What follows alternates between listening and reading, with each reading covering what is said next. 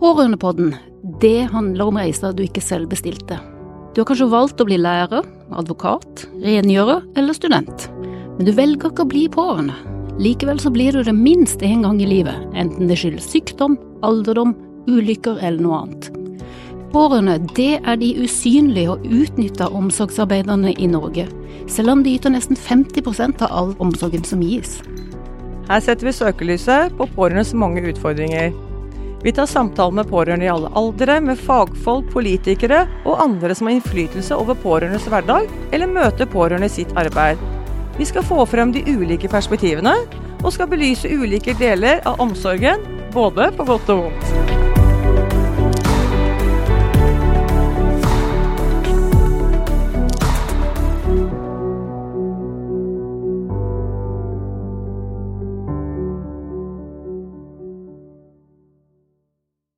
Da ønsker vi velkommen til en ny episode av Pårørendepodden.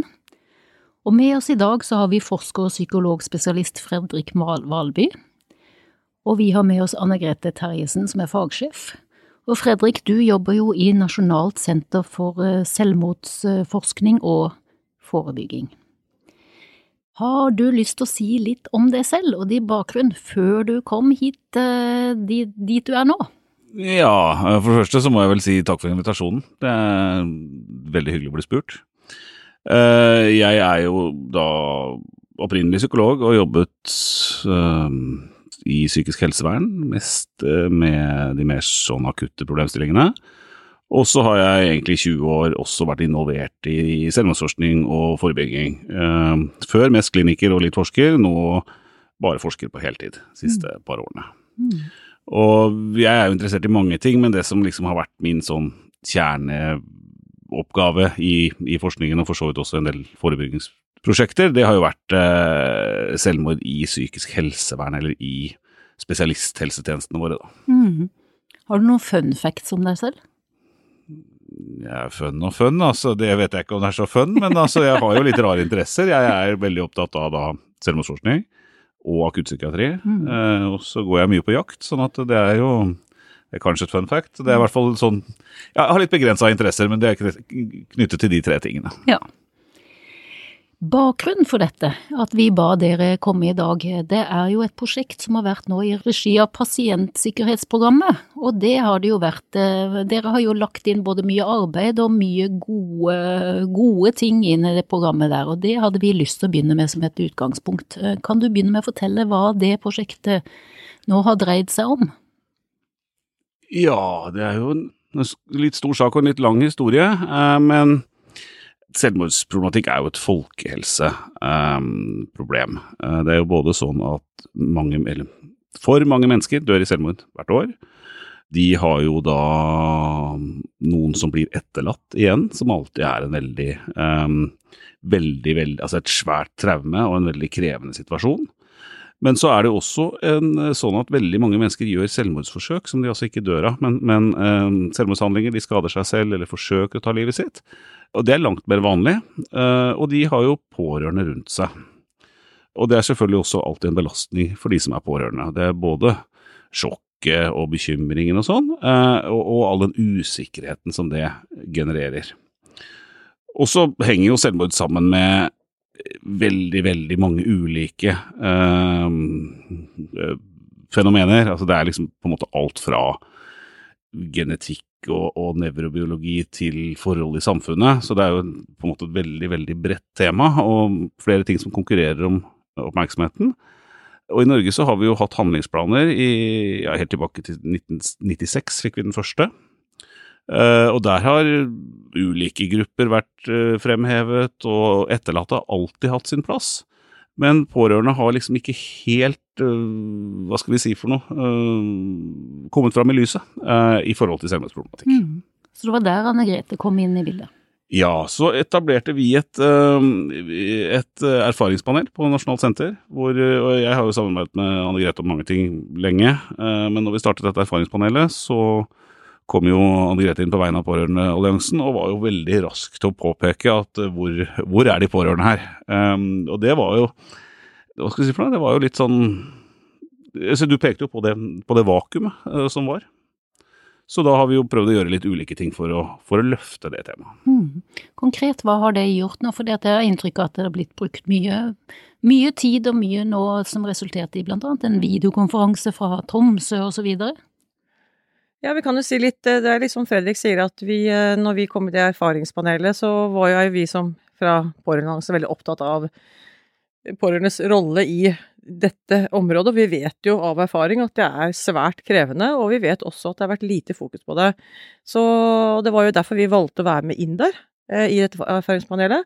Eh, og fikk jo etter hvert noe gjennomslag, og at man så også i dette senteret at det er kanskje et område man ikke har hatt så mye fokus på. Og det var jo litt bakgrunnen for det. Og så begynte vi å finne ut hva slags kunnskap er det vi har. Og vi ser at det er ikke mye man har skrevet om det. Fordi dette senteret har dere har jo sett litt på hva slags artikler, hva man har sett, det er ikke så veldig mye. Og vi begynte jeg og Fredrik å tenke at dette må vi bare løfte opp. Hva er det vi ser er en utfordring i forhold til dette med forebygging? Hvordan er det spesialisthelsetjenesten eh, ivaretar oss? Både siden vi da vet av erfaring, eller det som Fredrik har funnet ut at det er, er ikke ca. 50% som tar selvmord som har hatt tilknytning til psykisk helsevern. Jo, 50% har vært i kontakt med, med spesialisthelsetjeneste, ja. psykisk helsevern og rus. De, Riktig. De to tjenestene. Ja, og da er det litt viktig å kunne bare ta tak i de, når du mm. tenker på kvalitet i tjenesten. Hva, hvordan blir pårørende ivaretatt der, blir de kobla på? Og det er jo egentlig det som har vært utgangspunktet. Jeg tenkte ok, vi har noe konkret, vi ser at ikke de er ivaretatt, eller de kan bli styrket i tjenesten, og, og kvalitet er viktig i tjenesten for å kunne forebygge.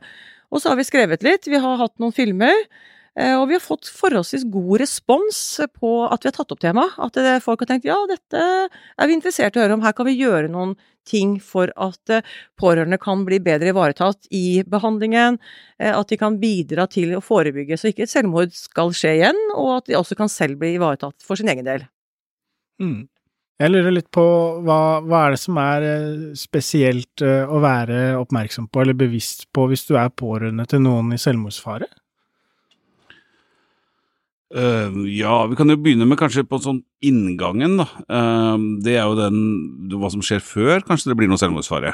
Mm. Uh, er det sånn at den man er pårørende til endrer seg på noen måte, trekker seg tilbake, virker trist, eller på ulike andre måter er sånn at man som pårørende blir, eller burde bli, bekymret? Mm. det er jo ofte der det starter. Um, det er kanskje viktig å si først av alt da, at uh, selv om selvmord er et stort samfunnsproblem, ca. 650 mennesker i, i Norge tar sitt eget liv hvert år, så er det allikevel, som hvis vi ser på befolkningsnivå, en ganske sjelden hendelse.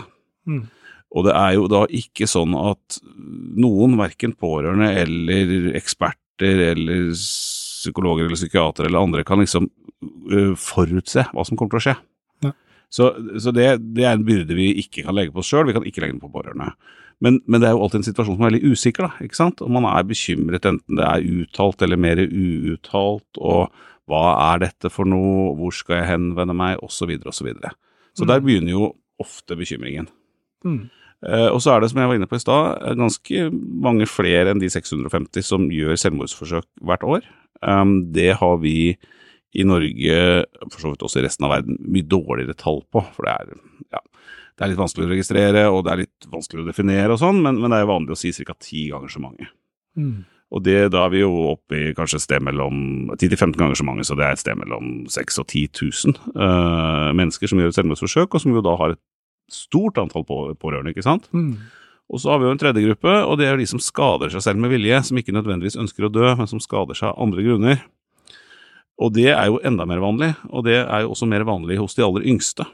Så et nylig studie fra oss viser jo at 16 av, av ungdom i videregående skole, altså ikke pasienter, men ungdom i videregående skole, har skadet seg selv minst én gang.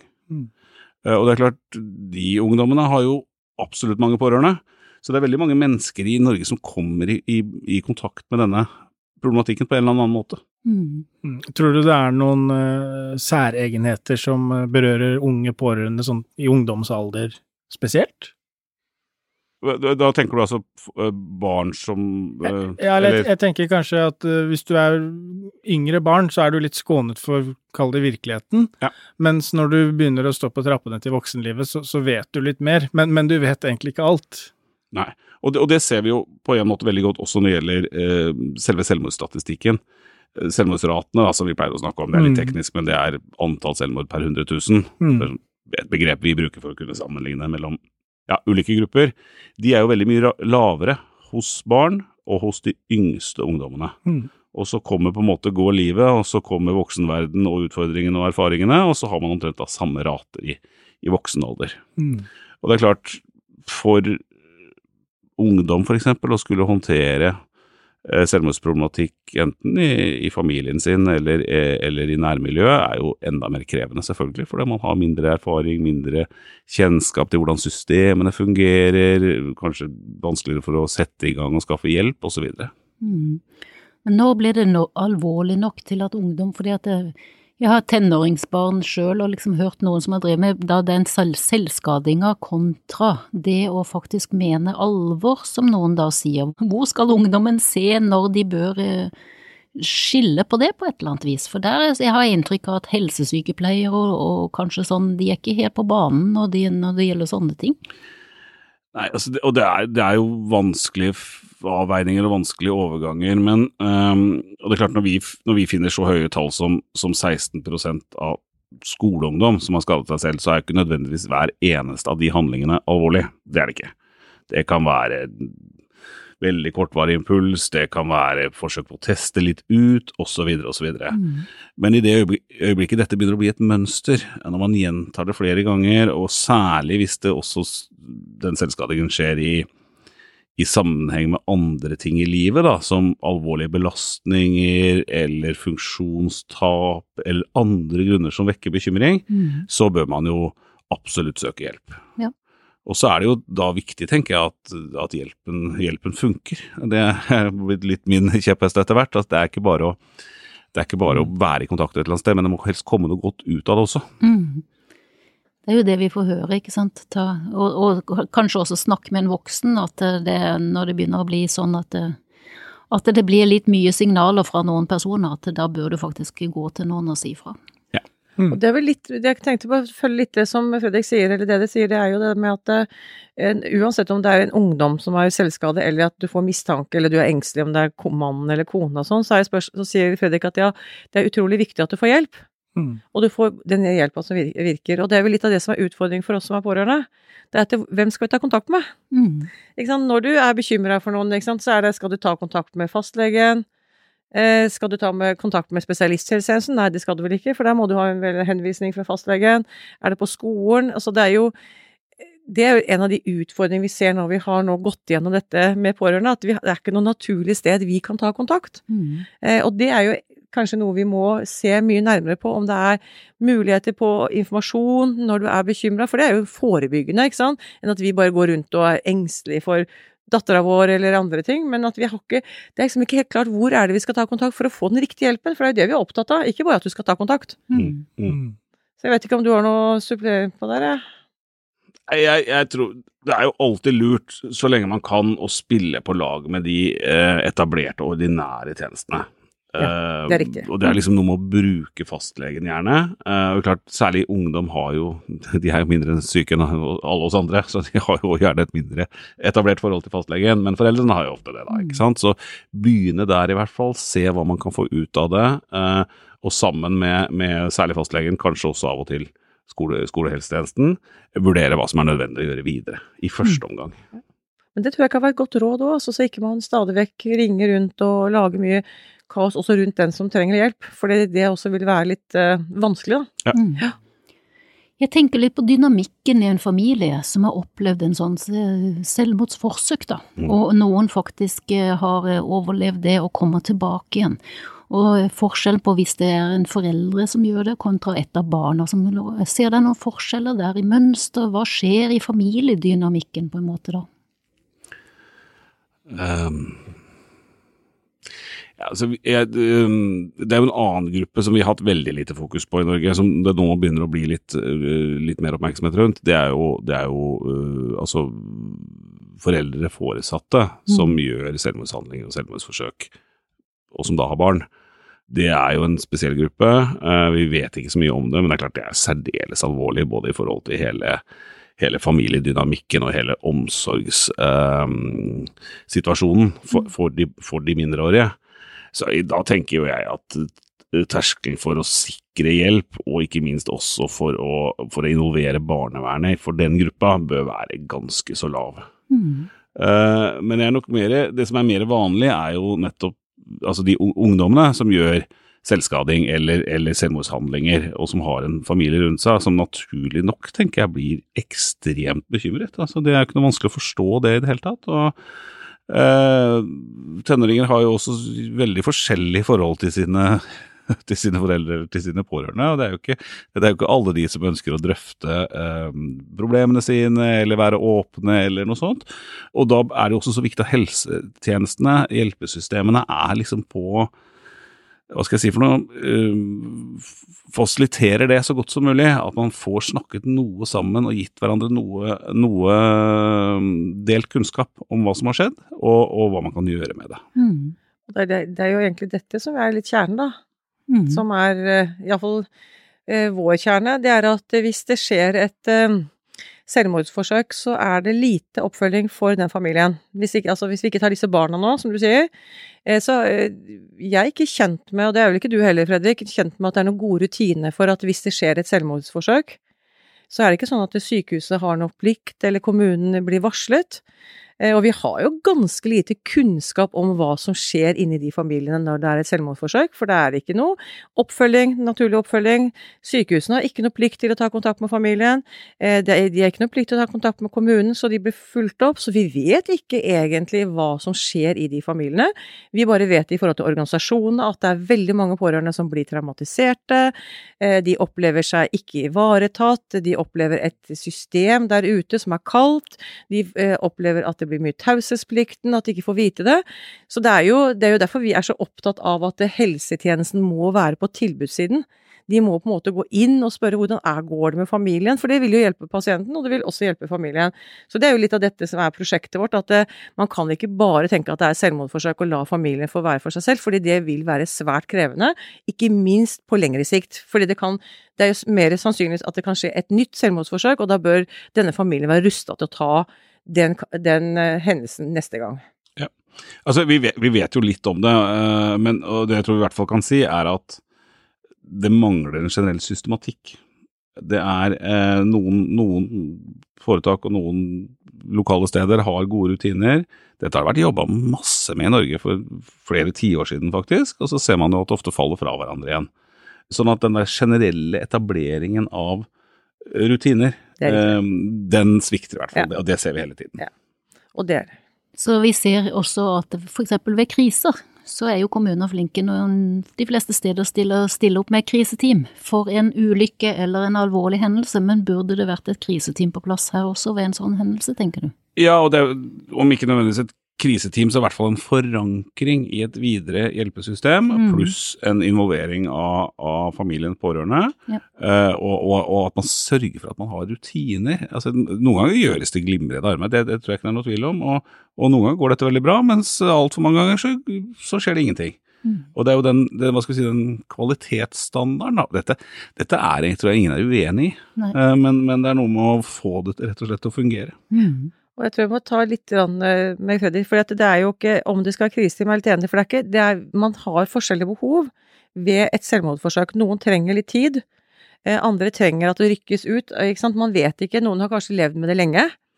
Eh, og det er litt mer det at det er, en, at det er rutine for det, at man blir som forankra, man blir tatt kontakt med, man vet hvem man kan henvende seg til, som vi i Pårørendealliansen er veldig opptatt av at man har en kontaktperson.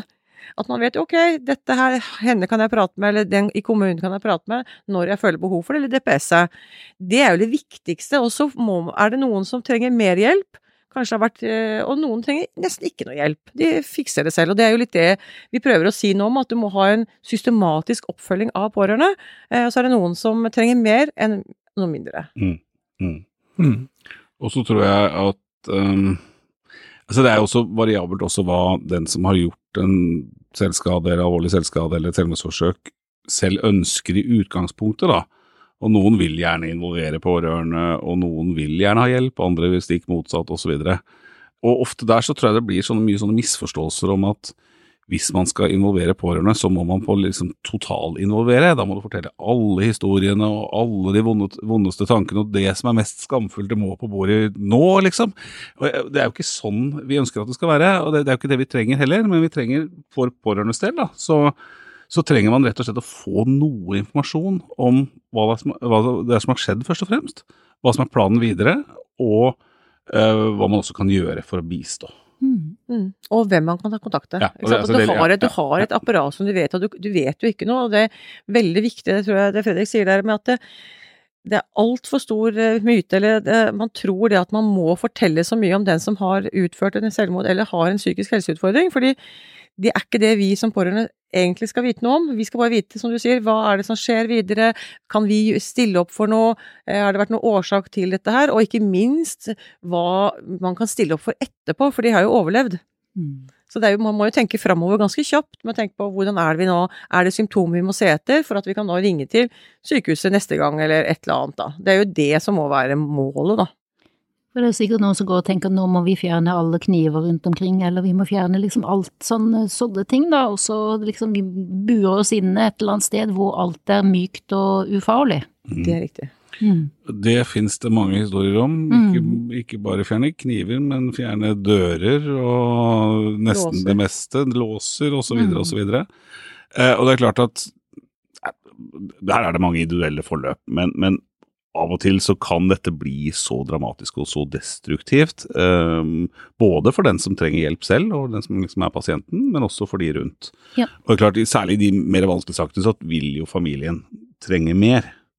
Um, og tettere og lengre, lengre oppfølging. Mm. Uh, men det er veldig viktig å, at man får luftet de tingene og lagd en plan for å samarbeide. og jeg har jobba mye med pasienter, og min erfaring er jo også at hvis man forteller pasientene dette, hvorfor man ønsker å snakke med mor f.eks., ikke bare sier at nå skal vi snakke med mor, og så blir det sånn idé om at nå kommer alle mine hemmeligheter, liksom. Men hvis man forteller eh, hva man ønsker, hva er hensikten med denne samtalen, og også sier rett ut at det er jo ofte sånn at hvordan er det for deg eh, når mor blir så bekymra? Eh, nei, det er ekstremt slitsomt. Ok, Da det ofte, hjelper det ofte å snakke sammen og legge en plan og en slags avtale om hvordan man skal håndtere det, sånn at alle får muligheten til å, til å roe seg. Og de aller, aller fleste pasienter da, de er jo med på det, tenker jeg. Det er i hvert fall min erfaring. Med, med litt orientering og kanskje litt, litt, motivasjon, og av og til litt press. Hmm. Jeg, jeg, sitter og lurer på en ting, og jeg vet at, uh, at det er mange som, som, lurer på dette her rundt omkring. Vi har jo hatt en eh, pandemi. Og, og, mange mennesker eh, som har ulike sykdomsproblematikker i hus, for å si det på den måten, har jo fått forsterket det sykdomsbildet. Og så er det mange som er bekymret for om liksom det vil påvirke folks helse i den grad at man ser en selvmordsfare. Er det noe dere registrerer eller tenker noe om? Um, ja, det er veldig mange som, som, lurer på akkurat det. Det er et uh, skal jeg si for noe, det er et spørsmål som både media og andre er veldig veldig opptatt av. Og det er jo ikke så rart, det. Altså, det, er, det er jo ingen tvil om at, at, pandemien har vært en enorm belastning på mm. ulike nivåer for veldig mange. Vi har tall foreløpig bare for det første året av pandemien, så vi venter på, på tallene nå og litt mer langtidskonsekvensene. Men eh, det er veldig interessant at det var ingen endring i, eh, i selvmord i Norge under det første året av pandemien. Mm. Nå var nok ikke heller vi så bekymret for det, men mange andre var bekymret for det. Um, ofte så har man sett tidligere, når det har vært store kriser, eh, særlig type krig og altså sånne belastninger som involverer hele befolkningen, så får man et kortvarig fall faktisk i, selvmords, uh, i selvmordsratene. Gjerne fordi at man får sterkere samhold i, sam i samfunnet. Altså, Misforstå meg rett, nå sier jeg ikke at pandemien er bra for den psykiske helsen, på ingen måte. Men, men, en del som også har mye vondt inni seg, kan jo også mm. ha en litt sånn hjelpende effekt av å tenke på noe annet. Og det ligger da liksom alt, alle nyhetene, all kaoset som er i resten av verden, det blir ikke bare min egen angst, på en måte. Mm. Så vi er ikke spesielt overrasket at man ikke fikk noen reduksjon i Nei, unnskyld, at man ikke fikk noe økning i, mm. i selvmord i, på kort sikt i, mm. i, pandemien. Samtidig så er det jo helt klart, det er jo ingen grunn til å tro at helsetjenesten har fungert noe bedre enn det de ellers gjør eh, i det første året. Snarere tvert imot. Det er jo ingen tvil om at en del har hatt vanskeligere tilgang, eh, har mistet tilbud, en god del sånne ting som vi ellers også ville tenkt kunne øke risikoen. Og så er det store spørsmålet, og, jeg, og, det er jeg mer bekymret for, det er jo hva med langtidskonsekvensene? Mm. Det, og det vet vi ikke noe om foreløpig. Men på kort sikt, dette gjelder hele verden. Alle land omtrent som har undersøkt uh, endringer i selvmordsraten, har funnet at det stort sett ikke har uh, endret seg, eller gått litt ned. Mm. Men hvis vi nå får store nedgangstider, de områdene som de landene som får det, eh, arbeidsløshet, konjunkturnedganger, Eh, varige svikt i tilgang på helsetjenester osv., så, videre, så kan man se for seg en helt annen situasjon. Men det, det gjenstår litt å se. Mm. Og så er det bare å legge til én ting. Um, når man hadde den store finanskrisen sånn på slutten, altså rundt 2008, så er det jo vist at man hadde økte selvmordsrater i en god del land i verden, også i Europa. I Norge hadde vi ikke det. Så det er noe mye som også tyder på at velferdssamfunnet mm. vårt er i stand til å buffre ganske mange sånne, uh, uh, sånne belastninger på, på, liksom på, nasjonalt nivå, og så mm. blir det veldig vanskelig å vite er det noen som får det bedre og lettere, og er det noen som får det mye verre. Det, det er en vanskeligere sak, da. Mm. Og for en effekt, en klar effekt av pandemien har jo vært at man har fått et økt fokus på at det skal settes opp veldig mange ulike lavterskeltilbud men det må vel litt mer satsing til enn det, må det ikke det da fremover for at vi skal komme, komme på en riktig vei her? Jo, altså der er det jo en del uenighet, og jeg er vel blant de som mener at uh, altså tilgjengelighet av helsetjenester er kjempeviktig, og der er vi rimelig gode. Kvalitet er et vanskeligere tema, det har vi hatt mye mindre fokus på. Og så syns jeg ofte nå det er en tendens til at man til at man gjør selvmordsproblematikken til litt for enkel. Altså vi sier veldig fort, eh, politikere og andre, snakk med noen. Har du selvmordstanker, så snakk med noen, og gjerne hvem som helst. Og det er litt mer komplisert enn det, og det ligger ofte mye under er, Selvmordstanker er jo ikke noe som oppstår i et vakuum, det ligger alltid noe under. Av og til så kan det være en belastning som har skjedd der og da, men også ofte så kan det være ting som har bygd seg opp på ulike nivåer over, uh, over lang tid. Mm.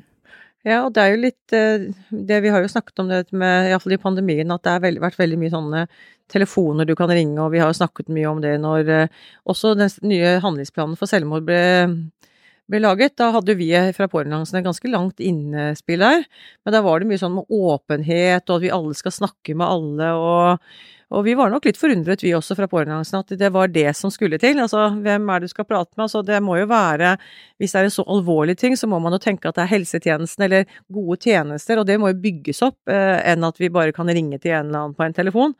Så det er vel litt sånn i tråd med det du også nevner, at vi kanskje må ha en mye større satsing ja, på kvalitet for å kunne få forebygge, og ikke minst i forhold til det med pårørende. Altså, vi har jo i dag ikke noe tilbud.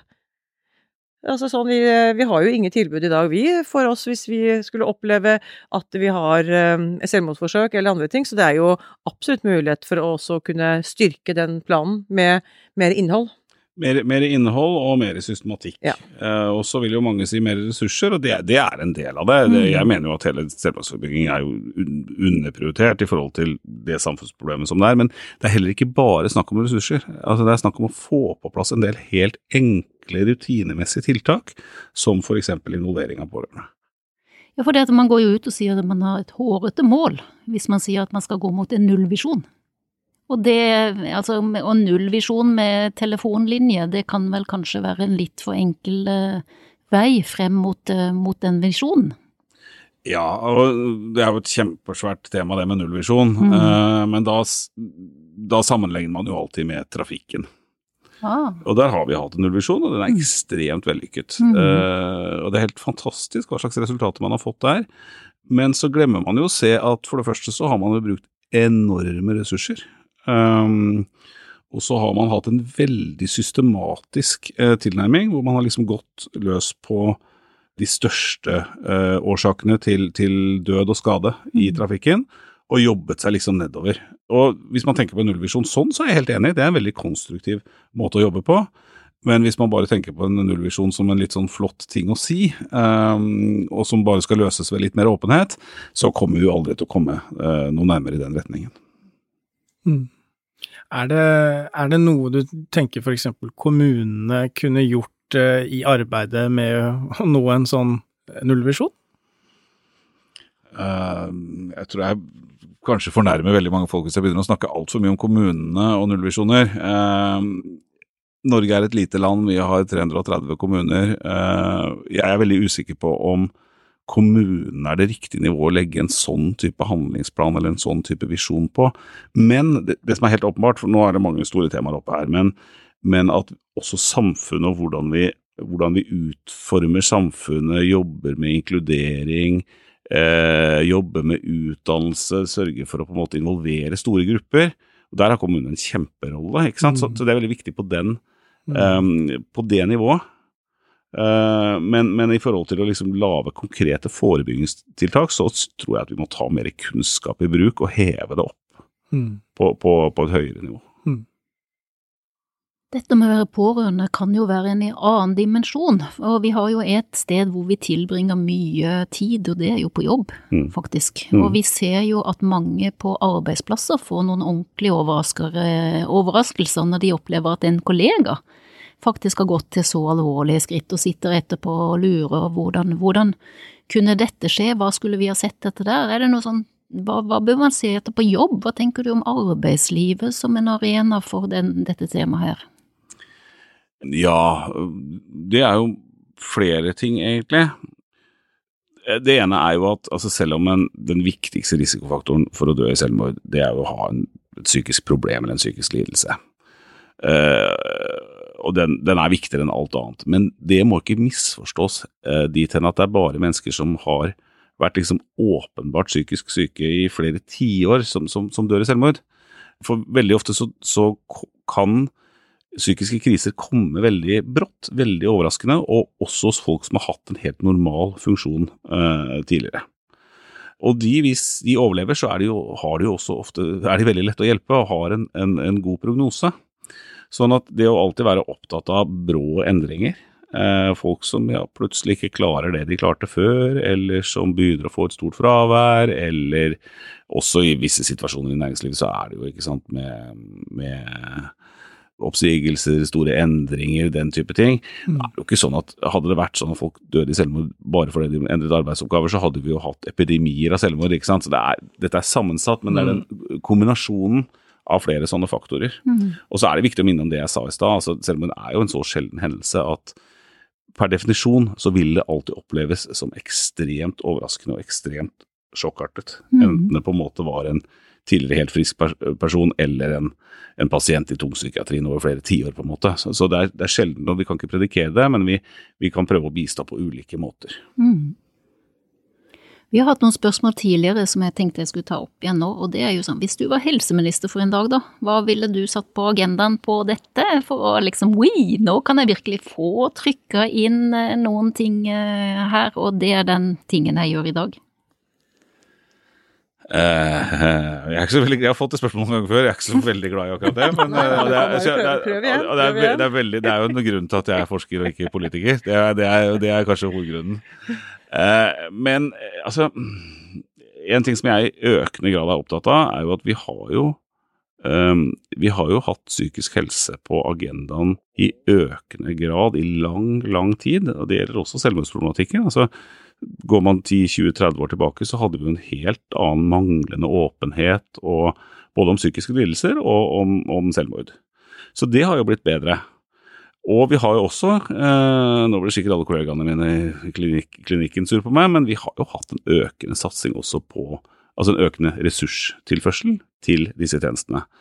Eh, men det vi ikke har hatt, er jo en særlig en fokus på kvalitet og innhold. Altså hva skal denne hjelpen uh, som et minimum bestå av. Um, ikke bare at den er der, men den skal jo også helst virke da, og tilføre, um, tilføre, helse. Så det jeg sier så ofte jeg kan, da, for nå ble jeg lurt ut på å si det igjen, at jeg, jeg vil gjerne ha en NOU, NOU om tjenesten. Om psykisk helsevern og, og, og rustjenester, særlig psykisk helsevern. Da får du nok med deg en statssekretær her for en dag som kanskje er med på det, Anne Grete? Ja, det vil jeg bare si. Det var veldig bra. Jeg syns du svarte godt nå, Fredrik, på dette her. Hvis du er helseminister. Fordi jeg, om det skal være det, men det er iallfall én ting som er helt sikkert. Og hvis du ser på tjenestene, så er det noe som mangler som vi jobber med. Det er jo faktisk pårørende. Og du selv i pårørendeveilederen så står det nesten ikke noe om selvmord. Så det er igjen dette at vi har ressurser, men vi har ikke greid å koble på kvalitet i tjenestene som henger sammen. Når ikke, vi vet, det står ikke, vi ikke, blir ikke tatt med systematisk inn, vi vet ikke hvem vi skal ta kontakt med, og så vet vi at pårørende er en så viktig ressurs rundt pasientene, så har vi jo glemt en veldig stor kvalitetsindikator, og det er pårørende. Mm. Så det at man må jobbe mye mer helhetlig på det, det er man helt med til. Så skal ikke jeg si hvor mye ressurser vi skal ha, men det er iallfall helt åpenbart for oss, og for meg, er at pårørende, det er en en ressurs som ikke har blitt koblet på på en ordentlig måte og en profesjonell måte. Og det må vi få til i framtiden. Og det er litt av det vi prøver på nå. Mm. Og, og for bare for å legge til på en rutinemessig måte. Er jeg, jeg, er veldig opptatt av at det liksom alltid skal være noe. Uh, at vi ikke bare skal være opptatt av å snakke om liksom de perfekte forløpene og lange familiesamtaler og store familieterapier og sånn, men, men, men, alle rutinemessig må man sørge for at man får gjort noe. Men det er jeg helt enig i. Det er, det er, disse rutinene som er borte. De er ikke der, Fredrik. Nei, så det, det, er ikke så veldig vanskelig å få det til. Hvis man har noe på kartet, så kan det være at noen sier ja, men nei takk, det er ikke det vi trenger akkurat nå, vi trenger det, og så får vi velge. Men, men han, man har i hvert fall vært på agendaen. Og fått et tilbud, og så er det klart, mm. så skal folk få lov å si ja eller nei til det. Men ja, ja. Man, skal, man, skal, få et tilbud som er eh, rimelig godt, og som man skal, gjerne skal motiveres litt for. Mm. Hva skal dere jobbe med videre nå på senteret? Vi jobber med, med, mange ting. Det ene er jo, uh, som jeg jobber med, aller mest med, er jo uh, selvmord i psykisk helsevern og tverrfaglig uh, spesialisert behandling. Vi skal nå om noen få uker lansere en rapport om selvmord i det som folk flest kaller BUP, barne- og ungdomspsykiatrien, mm. som, som, nå heter psykisk helsevern for barn og ungdom. Spennende. som jo er en viktig gruppe. Mm. Um, og så er jo målet vårt å klare å få eh, mer kunnskap om de som dør i selvmord, sånn at vi også kan klare å eh, eh, Selvfølgelig ultimat forebygge flere selvmord, men jeg tror også vi må spisse tiltakene eh, litt mer. Mm. Hvis du tenker at du skulle gi noe råd da, til pårørende, hvor skal de begynne hen hvis de vil gå til ett sted? Et nettsted, et senter, hvor, hvor sitter i Norge er et langstrakt land, og hvis man sitter i nord, sør, øst, vest, hvor begynner man? I forhold til selvmordsproblematikk, ja, eller? Mm, jeg tenker på det. Ja, Fins det et nettsted du tenker er bra? Fins det en telefon eller en Altså, jeg tror eh, litt forskjellige ting. Hvis man er interessert på en måte å lære mer om dette og få litt sånn oversikt, så mm. har jo vi nettsider på norsk, eh, og vi har også et gratis tidsskrift hvor mm. det vil, ligger masse søkbar litteratur på ulike nivåer. Det nettstedet heter jo selvmord.no, mm. så det er lett å huske, for å si det sånn. Um, men, men, jeg er også opptatt av at man prøver å få en, um, en kontakt med de som gir tjenestene. Og, og, det gjelder, er det enten er det fastlegen, er det psykisk helse i kommunen, er det DPS eller alle sammen? Eller altså prøve å ha en, også en personlig kontakt der som man kan spørre. Mm. Uh, for det er jo tross alt også en en profesjonalitet her, og, en, og en individuelle forhold. Så man prøver å få den, den gode dialogen. Ja, det er helt enig. Det, jeg tror det er faktisk det som vi har funnet ut er det viktigste, er at de er på ulike arenaer, og at du må For det gjør også at når du tar kontakt, så vil de, de du tar kontakt med, også hvis de er profesjonelle, eh, få mer kunnskap. Så det har en veldig sånn god eh, ringvirkning, ikke sant. Hvis vi tar kontakt med skolehelsetjenesten eller noe, så vil Det er så alvorlig tema at da vil de profesjonelle også søke kontakt i profesjonelle miljøer. Så det er sånn vinn-vinn, sånn istedenfor at de bare går sånn passivt inn på en side, da, som ikke har den der eh, integrasjonen. Så jeg tror det er eh, et godt råd. Jeg lurer man på noe, har man barn eller noen ting, så ta kontakt med lærere, helsesøster, fastlege. Utfordre dem, slik at de, vi får mer kunnskap i de ulike leddene. Det tror jeg er veldig bra forebyggende for alle parter. Mm. Mm. Hvor er Norge sin plass i verden på dette området her, vil du si? Vi er jo ofte glad i rangeringer. Det, det, er, det er, et utrolig eh, bra spørsmål, eh, som jeg har et veldig konkret svar på. Ja. Eh, det hevdes ofte i Norge, i media særlig, at vi har så høye selvmordsrater, og at de bare øker og øker. Og det har vi faktisk gode tall på. Det er mye vi ikke har gode tall på, men dette har vi gode tall på. Og uh, fakta er at vi har selvmordsrater som er veldig stabile. De har vært stabile i 20 år. Så problemet er altså ikke at de eh, øker, men problemet er at vi ikke får til en ordentlig reduksjon. Det er det som er utfordringen. Og så, eh, når det gjelder sammenligning med andre land, så ligger vi altså midt på gjennomsnittet i verden. Så det går ikke an å si at vi har høye selvmordsrater. Eh, vi har helt gjennomsnittlige selvmordsrater, og vi ligger også veldig likt som de andre nordiske landene og de andre europeiske. Men så kan man gjerne si vi er et av verdens rikeste land. Vi har et av verdens største og sammen med hva Anne Grete mener, eh, beste helsevesen, altså sammenlignet med andre land. Selv om det opp, kan, bare, ofte kan oppfattes som mangelfullt. Men jeg sa ikke helsevesen, men jeg, det var vel psykisk helse du tenkte på. At vi har ikke verdens beste helse, psykisk helsevesen. Nei, og der er tallene litt dårligere òg, men, men, hvis vi ser på helsevesenet generelt, så, så, er vi bra, liksom. Eh, så, og, og vi, vi, topper jo også de fleste sånne lykkekåringer som ulike mm. institusjoner, mm. Um, eller instanser, um, gjør. Så sånn sett så vi kanskje, burde vi kanskje si at målet vårt bør jo heller ikke være å ha en selvmordsrate på verdensgjennomsnitt, men det var, må jo være å være lavere med de ressursene vi har. Eh, men det er jo også en litt annen diskusjon. Mm. Ser den. Er det noe du har lyst til å si som du ikke har fått uh, frem? Ja, det, det, er én ting som jeg, som jeg, brenner litt inne med, og det som egentlig Anne Grete og jeg pleier å snakke mye om. For mm. nå, vi har jo vært mye innom på en måte pårørendes rolle. Um, også for sin egen del, for det, de behovene pårørende har i i kriser som, som jo en selvmordskrise er. Men jeg er også veldig opptatt av um, den forebyggende rollen som pårørende kan ha. Ikke bare i form av å støtte vedkommende der og da, men også litt sånn i framtiden. For vi vet jo veldig godt at en god del av de psykiske lidelsene f.eks., de går jo i faser som episoder, og de kommer ofte tilbake igjen. Eh, og jeg tror det er veldig veldig viktig da at man involverer pårørende i hva skal være eh, Hva skal du gjøre hvis du igjen blir bekymret om et år eller to eller tre? Hvis ektefellen din begynner å ligne på den samme depresjonen som man har nå, hva skal være, hvor skal du henvende deg, hva skal være kriteriene for at du tar kontakt, osv. Ganske enkle ting, men igjen det samme, at man, at man har en rutine på det.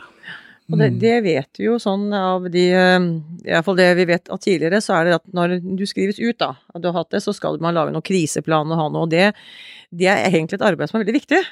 Eh, og så slurver man litt. Eh, fordi at når jeg skrives ut, så blir det sånn at eh, den siste samtalen du skal ha i forhold til pakkeforløpet, så er det sånn hvem er det som skal være på kriseplanen? Og så blir det ofte kanskje pårørende satt på der, mor eller ektefelle, mens ektefelle og mor vet ikke at de er inne på kriseplanen, og de er heller ikke involvert i behandlingen.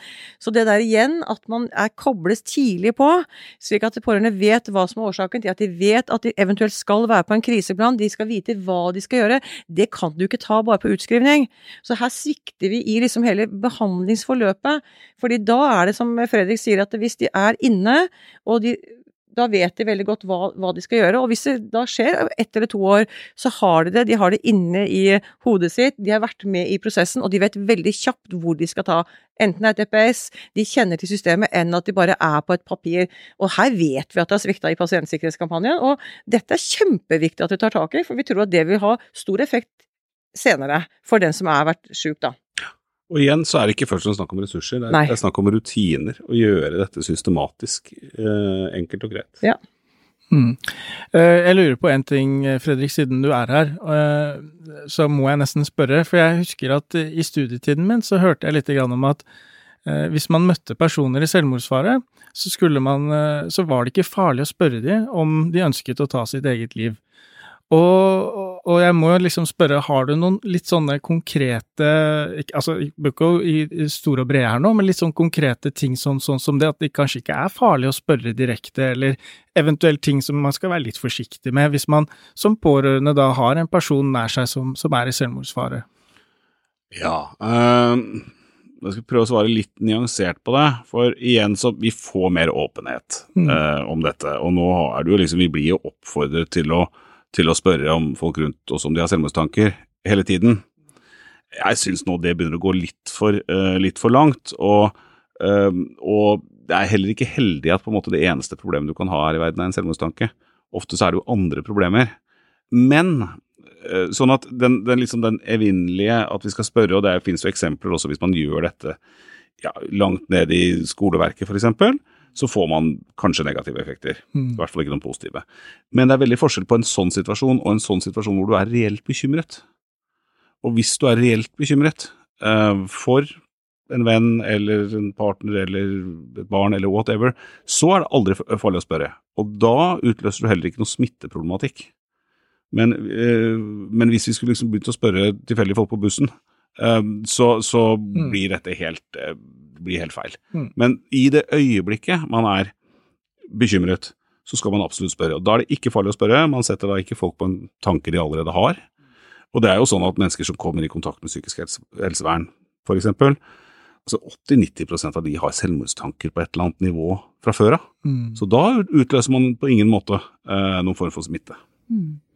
Så poeng, ikke spør for å spørre, men kanskje hvis du har en uggen følelse, en uggen magefølelse, at her er det noe som ikke stemmer, ja. da kan du gjøre det. Ja, og ja. da skal man ha en lav terskel, det er vi mm. veldig opptatt av å si. Mm. Den delen av det er ikke farlig. Nei. Det har vært en eh, veldig god samtale og, eh, om et eh, alvorlig tema, men viktig, som iallfall jeg syns har gitt god innsikt i det du har kommet med, Fredrik, og Anne Grete også har påpekt. Så Tusen takk for at du ville stille opp til eh, dette i dag. Vi skal legge ut lenker til de sidene du nevnte i vår episode om podkasten. Og så eh, snakkes vi igjen, skal vi si det sånn? Eh, det skal vi absolutt gjøre, og tusen takk for invitasjonen igjen. Veldig hyggelig. takk for at du ville komme. Takk.